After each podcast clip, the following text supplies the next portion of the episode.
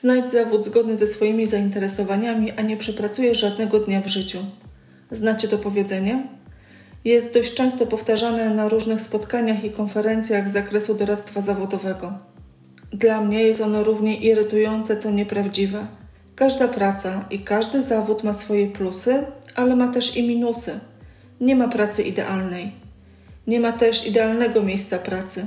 Poszukiwanie takich idealnych miejsc najczęściej kończy się rozczarowaniem. W tym podcaście zapraszam do pomyślenia o tym, jak budować komfort w miejscu pracy. Co możemy zrobić, aby w naszych zawodowych zadaniach, a czasem także i wyzwaniach, poczuć się możliwie najbardziej komfortowo i wygodnie. Będziemy się też zastanawiać, na co mamy wpływ, a co jest zupełnie poza naszymi możliwościami zmiany. Zapraszam, Małgorzata Rosalska, pedagog, doradca zawodowy, ambasadorka EPALA.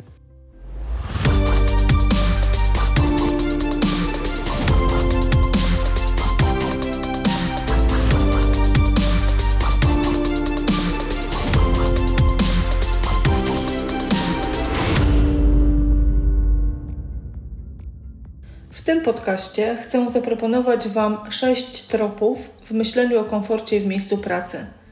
Mam nadzieję, że przynajmniej niektóre z nich będą przydatne w Waszych indywidualnych ścieżkach i historiach karierowych. Zanim jednak przejdę do konkretnych wskazówek, zatrzymajmy się na chwilę przy pojęciu komfort. Zastanówmy się, czym jest komfort w miejscu pracy. Nie będę się tu oczywiście odwoływać do naukowych rozważań, akurat tutaj nie są one nam potrzebne Zatrzymamy się natomiast przy skojarzeniach, które mogą się pojawiać, kiedy myślimy o komforcie w miejscu pracy. Ja oczywiście odwołam się do moich własnych skojarzeń, ale Was też zachęcam do zatrzymania się na chwilę i pomyślenia, czym dla Was jest komfort w miejscu pracy, jakie obrazy czy metafory to pojęcie wyzwala w Waszym myśleniu na ten temat. Dla mnie ważne są trzy skojarzenia. Pierwsze to wygoda, dobre warunki, ładne i bezpieczne otoczenie. Komfort oznacza przestrzeń, w której lubię przebywać, która jest nie tylko wygodna, ale też estetyczna. Oczywiście nie zawsze mamy wpływ na to, w jakich warunkach pracujemy, ale zawsze warto się zastanowić, czy coś w tym zakresie możemy zmienić, poprawić, ulepszyć. Drugie skojarzenie dotyczące komfortu w miejscu pracy to praca z życzliwymi i kompetentnymi ludźmi. To praca w takim zespole, który wspiera, jak trzeba to pomaga, który nie jest rywalizujący. To praca z ludźmi ukierunkowanymi na współpracę, a nie tylko na współzawodnictwo czy konflikt. I trzecie skojarzenie z komfortem to praca, w której mogę osiągać sukcesy, mogę być aktywna, mogę podejmować zadania i wyzwania. To też praca, w której mogę cieszyć się wynikami, widocznymi efektami, która mnie motywuje do wyzwań. A jednocześnie jest to takie miejsce w pracy, w którym nie muszę bać się błędów, mam przestrzeń na próbowanie i poprawianie. Ważne jest, aby dostrzec, że komfort w miejscu pracy to pojęcie zupełnie subiektywne. Dla każdego z nas może oznaczać coś innego. Szczególnie to trzecie skojarzenie tego dowodzi to, co dla mnie jest komfortowe, czyli wyzwania i pewna dynamika pracy, dla innych może być całkowitym przeciwieństwem tego, co oni rozumieją jako komfort. Ważne jest, aby każdy z nas w miarę dokładnie i uczciwie odpowiedział sobie na pytania: czym dla mnie jest komfort w miejscu pracy? Co mi najbardziej przeszkadza w realizacji zawodowych zadań? Co chciałbym, co chciałabym w tym zakresie zmienić? Ale też na co mam wpływ, a na co wpływu zdecydowanie nie mam. Odpowiedź na te pytania jest bardzo ważna i może być bardzo pomocna w kontekście tego, o czym chcemy dzisiaj mówić i o czym chcemy pomyśleć. Jeżeli chcę budować komfort w miejscu pracy, swój własny komfort w miejscu pracy, no to muszę wiedzieć o co mi chodzi. Zanim zacznę coś budować, potrzebuję dobrego projektu, i odpowiedź na te pytania, co dla mnie jest komfortem, co dla mnie komfortem nie jest, co mi najbardziej przeszkadza i co mi najbardziej pomaga, to są y, odpowiedzi, które pozwalają nam pomyśleć, o co tak naprawdę w miejscu pracy nam chodzi. Zanim przejdę do konkretnych podpowiedzi, chcę zwrócić uwagę na jeszcze jedną rzecz. Komfort nie zawsze jest dobry. Myślę, że każdy z nas potrafi sobie przypomnieć takie sytuacje, kiedy sytuacje zbyt komfortowe po prostu nas rozleniwiały. I tutaj też trzeba się zatrzymać nad pytaniem, gdzie jest nasza granica, gdzie jest jeszcze komfortowo, a gdzie już jest zbyt komfortowo. To jest pytanie o to, jakie warunki są optymalne dla naszej pracy i dla naszego funkcjonowania w miejscu pracy. Nie zawsze chodzi o to, żeby było bardzo wygodnie, czasem chodzi o to, żeby było wystarczająco wygodnie. I to wystarczające, wystarczająco dla każdego z nas będzie oznaczało zupełnie inne rzeczy, ale warto na to zwrócić uwagę. I jeszcze jedna myśl. E, pamiętajmy, że w sytuacjach zawodowych możemy się ustawić w dwóch rolach. Możemy być albo aktorem i wtedy gramy tak, jak nam warunki pozwalają, albo możemy być autorem i wtedy podejmujemy działania ukierunkowane na to, żeby mieć wpływ na to, jak, gdzie, w jakich warunkach pracujemy. Oczywiście to nie jest dychotomia, to nie jest wybór albo albo, że jesteśmy albo autorem, albo aktorem. Najczęściej, i to zależy od różnych czynników, jest to pewne kontinuum. W niektórych sferach bardziej możemy być autorem, w innych bardziej jesteśmy aktorem. Ale w zakresie budowania własnego komfortu w miejscu pracy warto zastanowić się, na ile możemy być autorem naszej sytuacji zawodowej, a na ile jesteśmy aktorem. Odpowiedź na to pytanie, uczciwa odpowiedź na to pytanie, też nam pozwoli określić takie obszary, gdzie mamy rzeczywiście wpływ. I to było wprowadzenie. A teraz chcę przejść do mojej propozycji. Myślę, że dosyć konkretnej, takiej pragmatycznej, w jaki sposób my w ogóle możemy myśleć o naszych działaniach związanych z budowaniem naszego komfortu w miejscu pracy. Ja będę się koncentrować na tych możliwościach, które zależą od nas. Najczęściej na pracodawcę i na warunki, w których pracujemy, mamy stosunkowo niewielki wpływ, ale mamy wpływ na nasze zasoby i na nasze podejście do, e, do naszych sytuacji zawodowych. Mam dla Was sześć propozycji.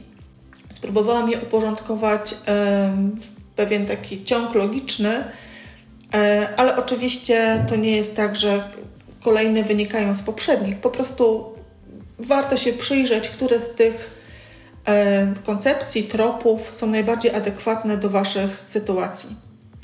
No to zacznijmy od kotwic kariery Edgara Scheina.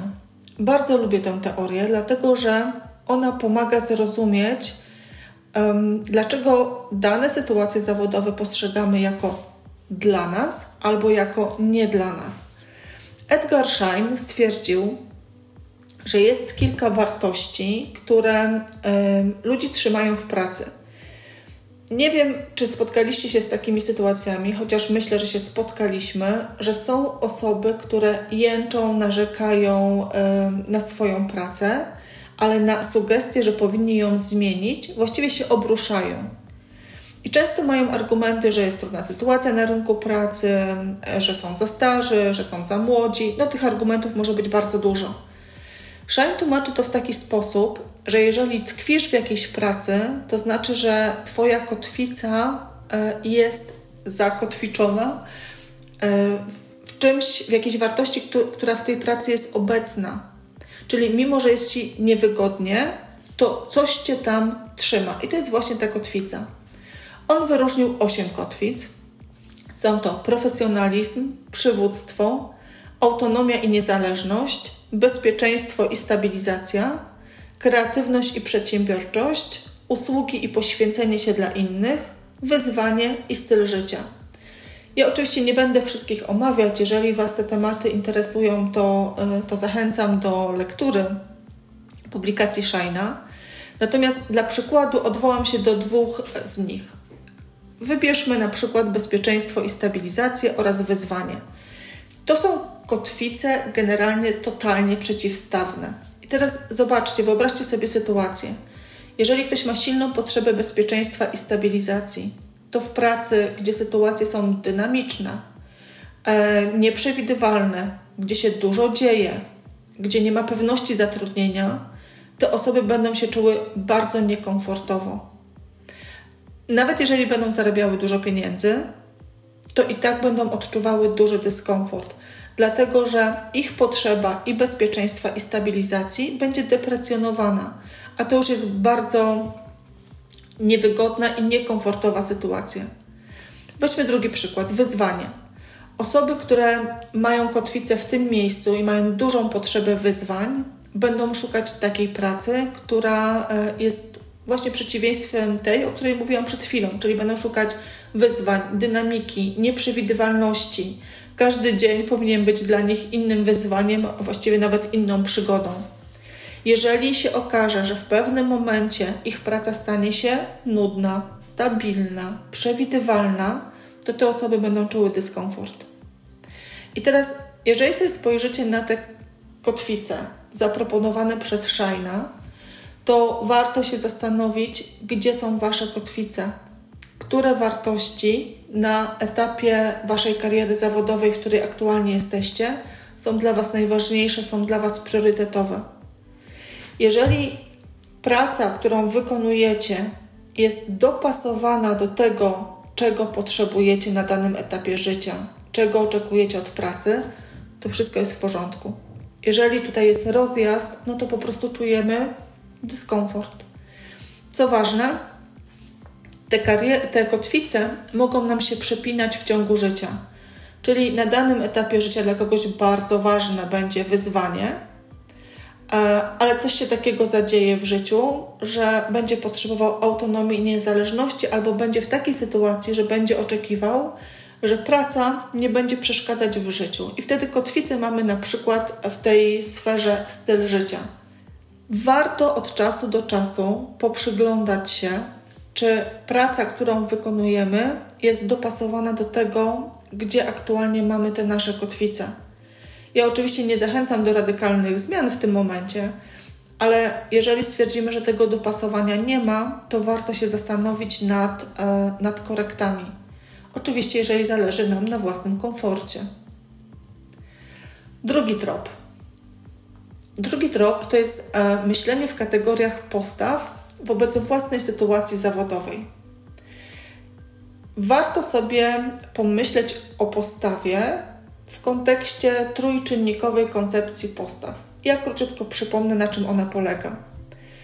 E, według tej teorii każda postawa składa się z trzech komponentów.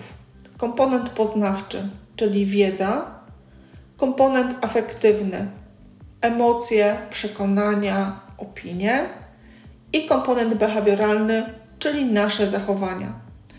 My często popełniamy błąd, to też oczywiście mówię do siebie, oceniając czyjeś postawy czy własne postawy na podstawie komponentu behawioralnego. To tak jakby oceniać wielkość góry lodowej na podstawie tylko tego, co wystaje nad wodą.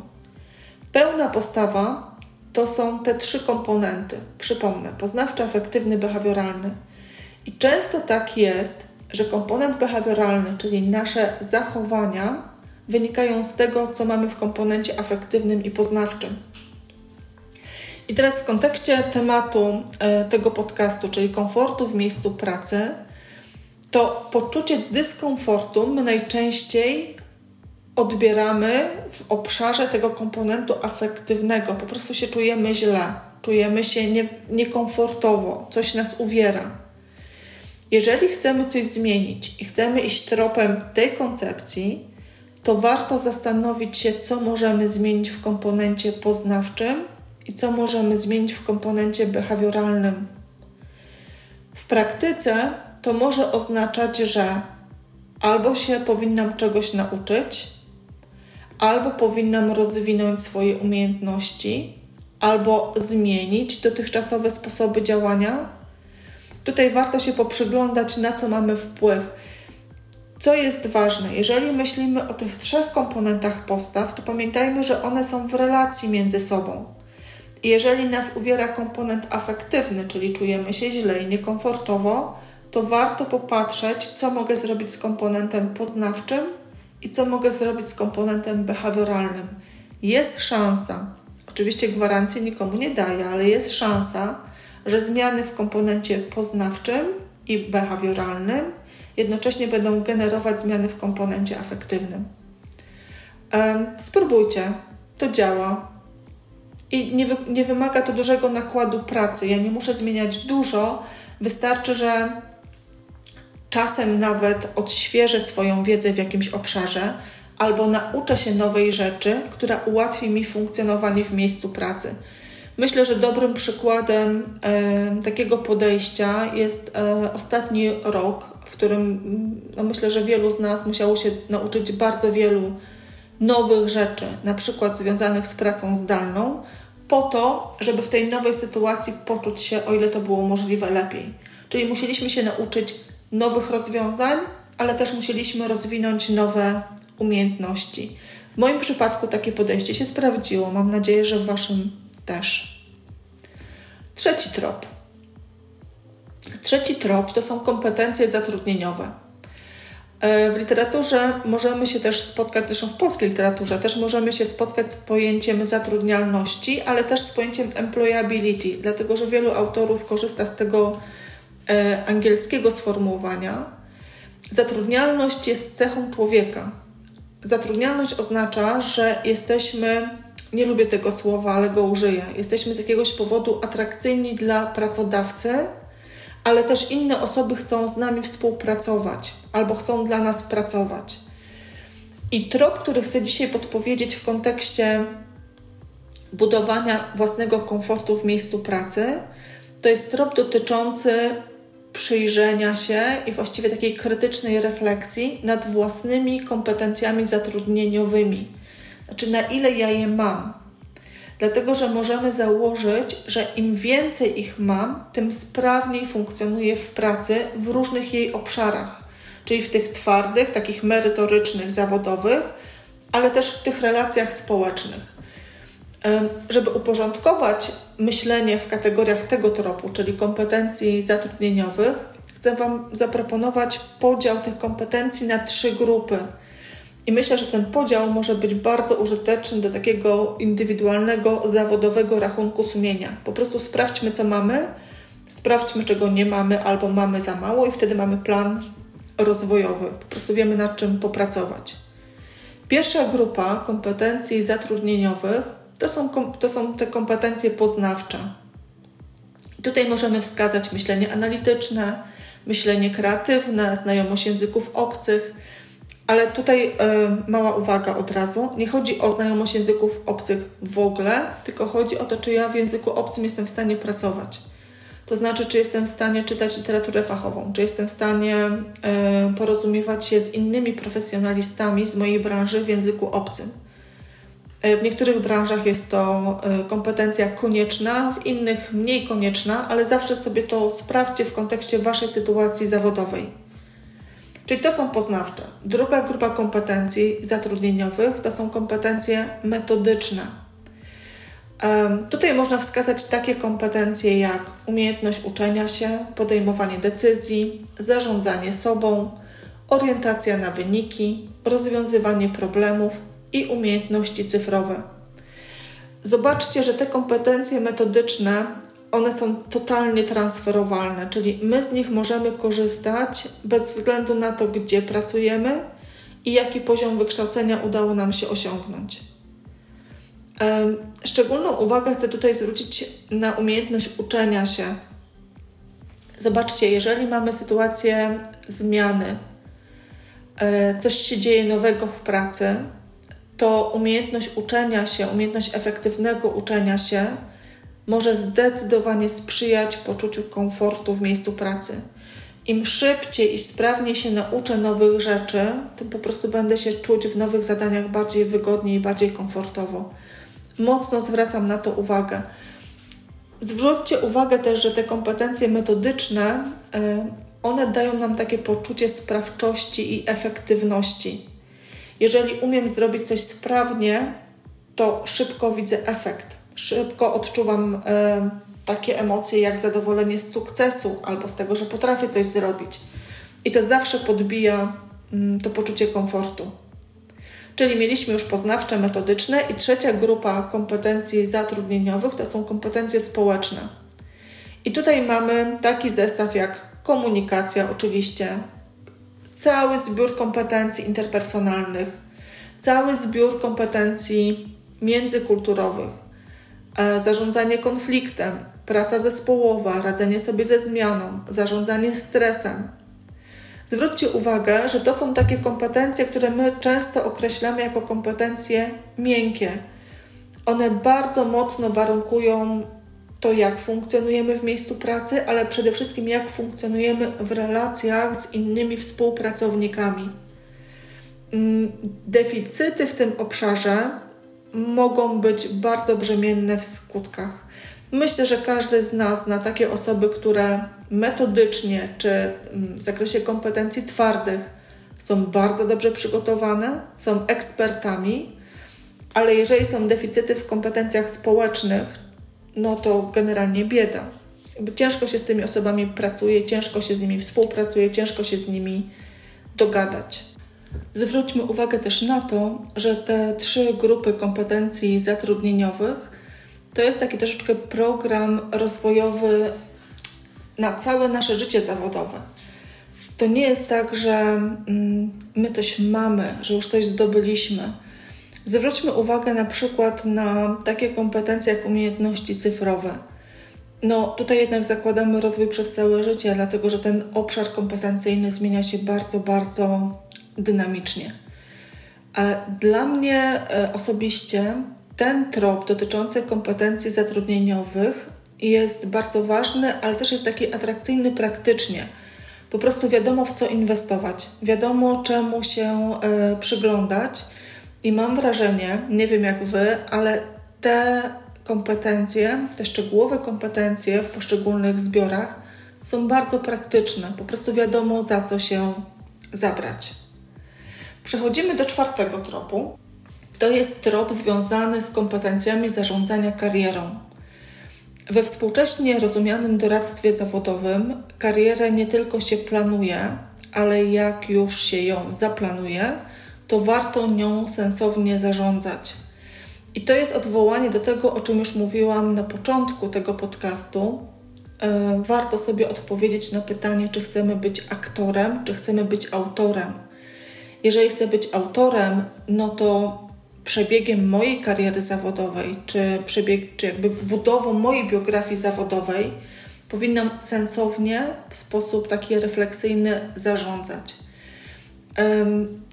Żeby odnieść się do praktycznych rozwiązań, chcę Wam zaproponować znowu pewną typologię tych kompetencji zarządzania karierą. Ja tutaj odwołam się do jednego z e, różnych modeli, do modelu kompetencji zarządzania karierą zaproponowanego w projekcie LIDER, oni wskazali pięć takich kompetencji. To jest osobista efektywność, to jest zarządzanie relacjami, to jest poszukiwanie pracy i dostęp do nauki. Czwarta to jest zarządzanie życiem i karierą, a piąta to jest rozumienie świata. Ta piąta jest bardzo ogólna, ale myślę, że ona jest bardzo istotna. To jest po prostu takie refleksyjne odnoszenie się do tego, co się dzieje wokół nas do procesów, które zachodzą nie tylko na rynku pracy, ale generalnie e, w świecie. W związku z tym, że globalizacja już nie jest teorią, nie jest postulatem, tylko to jest coś, czego my doświadczamy na co dzień, to rozumienie tych procesów jest naprawdę istotną kompetencją e, zarządzania karierą. Zwróćmy uwagę, że te kompetencje, one poniekąd są bardzo blisko tego, o czym mówiłam przed chwilą, czyli o tych kompetencjach zatrudnieniowych. Szczególnie te dwie pierwsze, czyli osobista efektywność i zarządzanie relacjami. Spokojnie możemy je odnieść do kompetencji zatrudnieniowych, natomiast bardzo ciekawe są te kompetencje kolejne, czyli poszukiwanie pracy i dostęp do nauki oraz zarządzanie życiem i karierą. Zatrzymajmy się na chwileczkę przy poszukiwaniu pracy i dostępie do nauki. To jest generalnie kompetencja związana z wyszukiwaniem informacji, z dostępem do informacji ale też do krytycznej ich analizy. Sformułowanie, że czegoś nie ma, bo ja tego nie znalazłam, już przestaje być wystarczające. To jest pytanie, jak szukam, gdzie szukam, na jakie źródła się powołuję. To jest bardzo ważne w kontekście zalewu informacji. Te informacje, które my dostajemy, one są najczęściej nieprzetworzone. One nie są ułożone w hierarchii ważności, autentyczności, prawdziwości. W związku z tym kompetencja krytycznej analizy informacji, które dostajemy, jest jedną z kluczowych informacji zarządzania karierą w tej chwili. I kolejna, czyli zarządzanie życiem i karierą. No tutaj oczywiście możemy się odwołać do tych koncepcji life-work balance albo nawet life-work integration. Chociaż muszę przyznać, że ja zdecydowanie wolę life-work balance, a nie integration, że jednak ta różnica czy, czy granica pomiędzy życiem pracowym i pozapracowym e, jest dla mnie ważna i staram się ją utrzymywać. Natomiast kompetencje w zakresie zarządzania życiem i tą sferą zawodową e, są bardzo ważne też dla naszego zdrowia psychicznego. Oczywiście każdy ma tutaj inne wartości, inne potrzeby, inny kontekst życiowy, ale warto się na tym zatrzymać, dlatego że to jest oczywiste, co teraz powiem, ale warto to sobie przypominać. Praca wpływa na nasze życie osobiste, ale życie osobiste wpływa też na pracę i znalezienie właściwych relacji, właściwych proporcji pomiędzy różnymi aktywnościami, które realizujemy w naszym życiu, myślę, że to jest zadanie ważne, istotne i potrzebne. Po prostu, jeżeli w którejś z tych sfer odczuwamy dyskomfort, to prawdopodobnie ten dyskomfort rozlewa się nam in, na inne sfery i na inne role życiowe. Warto zwrócić na to uwagę. O tych kompetencjach zarządzania karierą pisałam też na blogu Epale, więc jeżeli potrzebujecie wskazówek, to odsyłam do bloga. Tam też te pięć kompetencji zarządzania karierą macie zoperacjonalizowane, czyli są tam podane pewne wskaźniki, co się składa na daną kompetencję. Jeżeli ten trop jest dla Was z jakiegoś powodu atrakcyjny, albo interesujący, albo intrygujący, to zachęcam do przeczytania e, tego wpisu na blogu. Przejdźmy do kolejnego tropu. E, to już jest trop piąty i to są sfery rozwoju zawodowego. Ja bardzo lubię tę koncepcję, ponieważ ona pozwala zatrzymać się i pomyśleć nad moimi kompetencjami, które dotyczą jakby różnych poziomów mojej aktywności e, zawodowej. Mamy trzy takie sfery. Pierwsza to jest intrapersonalna, druga interpersonalna, a trzecia to jest ekstrapersonalna. Ja zacznę od tej trzeciej, dlatego że ona jest naj, najłatwiejsza. I z mojego doświadczenia też jako szkoleniowca mm, mogę Wam powiedzieć, że to jest sfera, gdzie się odbywa najwięcej szkoleń. I to są szkolenia najłatwiejsze do zrealizowania, ale one są też najprzyjemniejsze dla uczestników. Dlatego, że sfera ekstrapersonalna dotyczy e, takiej narzędziówki, po prostu tego, co mam w swoim narzędziowniku metod, technik, e, narzędzi. Czyli jeżeli idę na takie szkolenie, to uczę się nowych metod, technik, na przykład diagnostycznych w doradztwie zawodowych, mm, albo metod doradztwa zawodowego, albo metod aktywizujących w czymś tam. To jest właśnie ta sfera. I teraz zobaczcie, że jeżeli ja jako doradca zawodowy nie mam pewnych umiejętności, na przykład nie potrafię diagnozować pewnych rzeczy, albo nie potrafię przeprowadzić zajęć grupowych, to to są moje deficyty w sferze ekstrapersonalnej. Ja po prostu jestem nieefektywna. I teraz, jeżeli zdiagnozuję sobie tutaj deficyty, to ich wyeliminowanie jest stosunkowo proste. Po prostu się uczę. A w związku z tym, że to są rzeczy twarde, narzędziowe, to nauka jest i przyjemna, i szybka, i bardzo efektywna. I w kontekście tematu tego podcastu ta sfera ekstrapersonalna jest najłatwiejsza do poprawy. Jeżeli odczuwam dyskomfort związany z brakiem konkretnych umiejętności, takich twardych, moich zawodowych, to tutaj naprawdę bardzo prosto tego dyskomfortu możemy się pozbyć. Druga sfera to jest sfera interpersonalna. No tutaj zaczynają się schody, dlatego że ta sfera dotyczy relacji ze współpracownikami, ale też z osobami, na rzecz których pracujemy.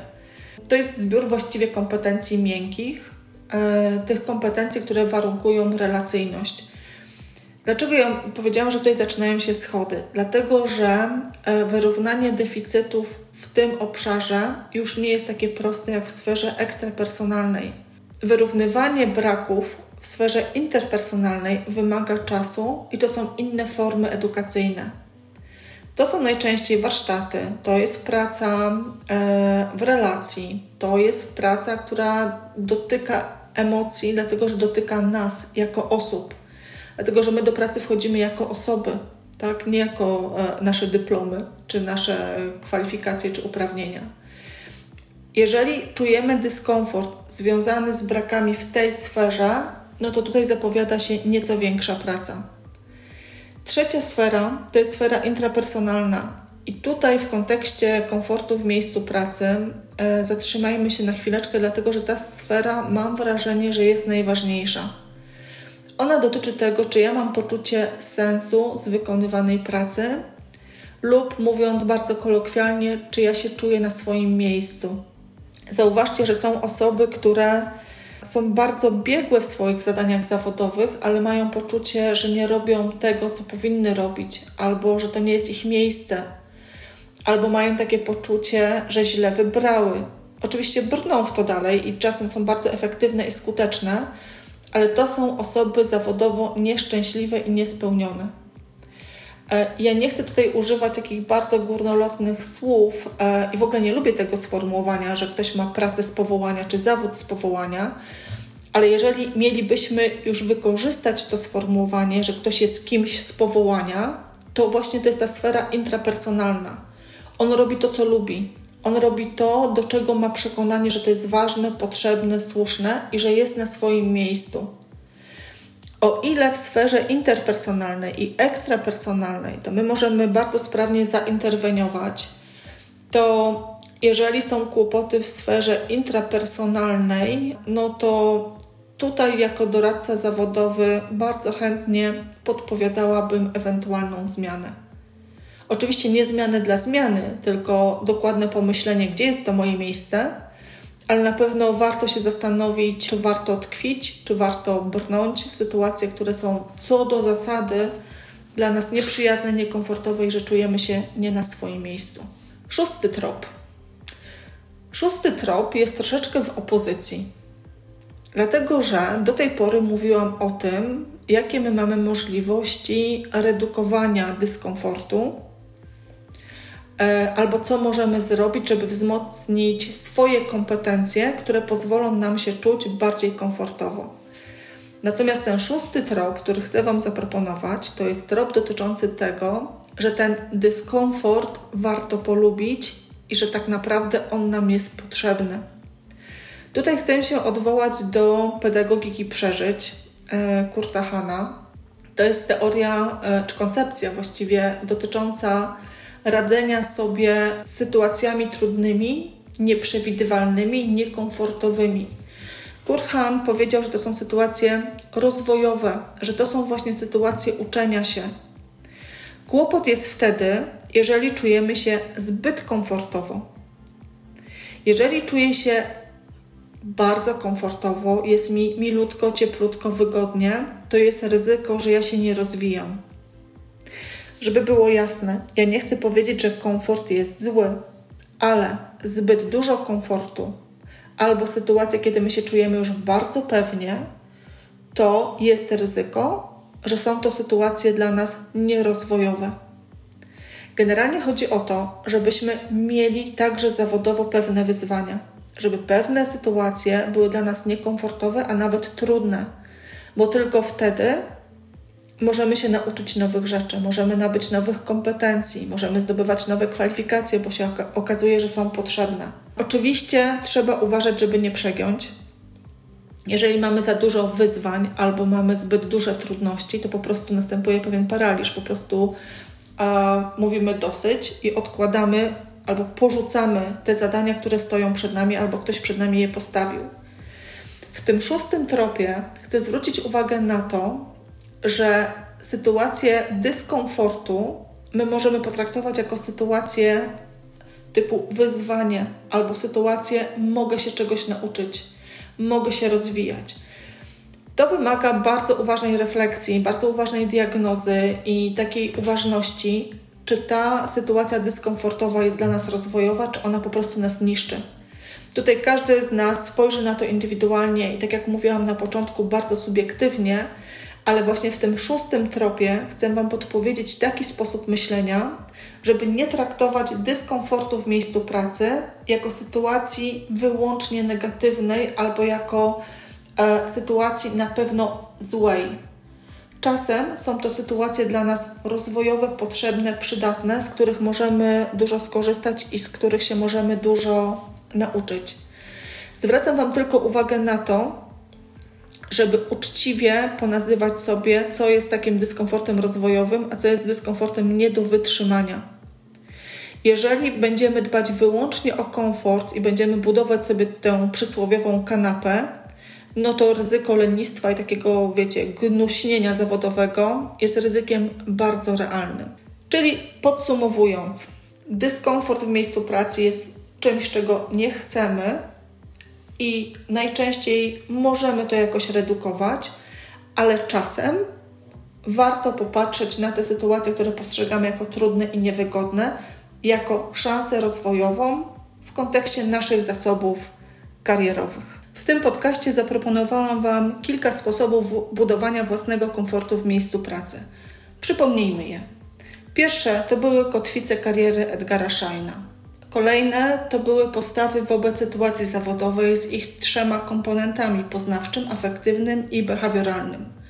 Trzeci trop to były kompetencje zatrudnieniowe. Czwarty kompetencje zarządzania karierą. Piąty sfery rozwoju zawodowego intrapersonalna, interpersonalna i ekstrapersonalna. I ostatni trop dotyczył postrzegania dyskomfortu jako szansy rozwojowej. To są oczywiście bardzo subiektywnie wybrane przeze mnie propozycje. Zachęcam Was do poszukania najlepszych dla Was rozwiązań. Kończąc ten podcast, chcę Wam zaproponować kilka kroków w poszukiwaniu tych optymalnych dla Was rozwiązań. Po pierwsze, zacznijcie od poszukania własnej definicji komfortu w miejscu pracy. Tak jak mówiłam, jest to pojęcie totalnie subiektywne. Po drugie, dokonajcie uczciwej analizy Waszej sytuacji zawodowej, co jest w niej dobre, budujące, wartościowe, a co uwierające, szkodliwe a w skrajnych przypadkach nawet niszczące. Po trzecie, zachęcam do rzetelnej diagnozy własnych zasobów karierowych, zatrudnialności, kompetencji. Sprawdźcie, co jest Waszą mocną stroną, a co jest słabą stroną lub nawet deficytem. Po czwarte, ocencie, na co macie wpływ, na co macie rzeczywisty wpływ, gdzie Wasze działania mogą przynieść realne efekty. Po piąte, zaplanujcie plan działania powinien uwzględniać nie tylko zmiany w otoczeniu, ale także w Waszych indywidualnych zasobach. Ustalcie priorytety. Nie zabierajcie się za wszystko naraz. Po szóste, działajcie. Mądrze, systematycznie, z ukierunkowaniem na cel. Czasem jedno działanie wyzwoli dużą zmianę i poprawę. Czasem na efekty trzeba poczekać. Z mojego doświadczenia wynika jednak, że warto poczucie, że mamy czasem większy, czasem mniejszy wpływ na naszą sytuację zawodową jest doświadczeniem mocno budującym nasz komfort. Zachęcam Was do działania i bardzo życzę w tym powodzenia. I już zupełnie na koniec. Bardzo chciałabym Was zachęcić do korzystania z podcastów Epale. Jak dobrze wiecie, Epale jest społecznością osób zajmujących się edukacją dorosłych. Edukacją w bardzo różnych jej odsłonach, wątkach i tematach. Jesteśmy społecznością, która chce się dzielić swoją wiedzą i swoim doświadczeniem z innymi edukatorami. Na stronie Epale znajdziecie bardzo dużo materiałów. E, są to wpisy na blogu, są to aktualności, są to także ciekawe publikacje, raporty i innego rodzaju materiały. Znajdziecie tam także mm, podcasty. Są to nagrania przygotowywane przez osoby, które zajmują się jakimś wątkiem, jakimś obszarem edukacji dorosłych. Te nagrania mają bardzo różny charakter. Czasem są to wywiady z ekspertami, z osobami, które mają szczególne doświadczenie w jakimś obszarze. Czasem są to wypowiedzi osób, które znają się na jakimś obszarze lub wątku związanym z edukacją dorosłych. Dla mnie szczególnie interesujące są te, które dotyczą doradztwa zawodowego, edukacji karierowej, wykluczenia społecznego czy zawodowego, ale bardzo lubię też te podcasty, które dotyczą projektowania szkoleń czy edukacji zdalnej. Myślę, że rzeczywiście każdy, kto zajmuje się edukacją dorosłych, znajdzie jakiś interesujący podcast dla siebie. Warto się z nimi zapoznać. Zachęcam.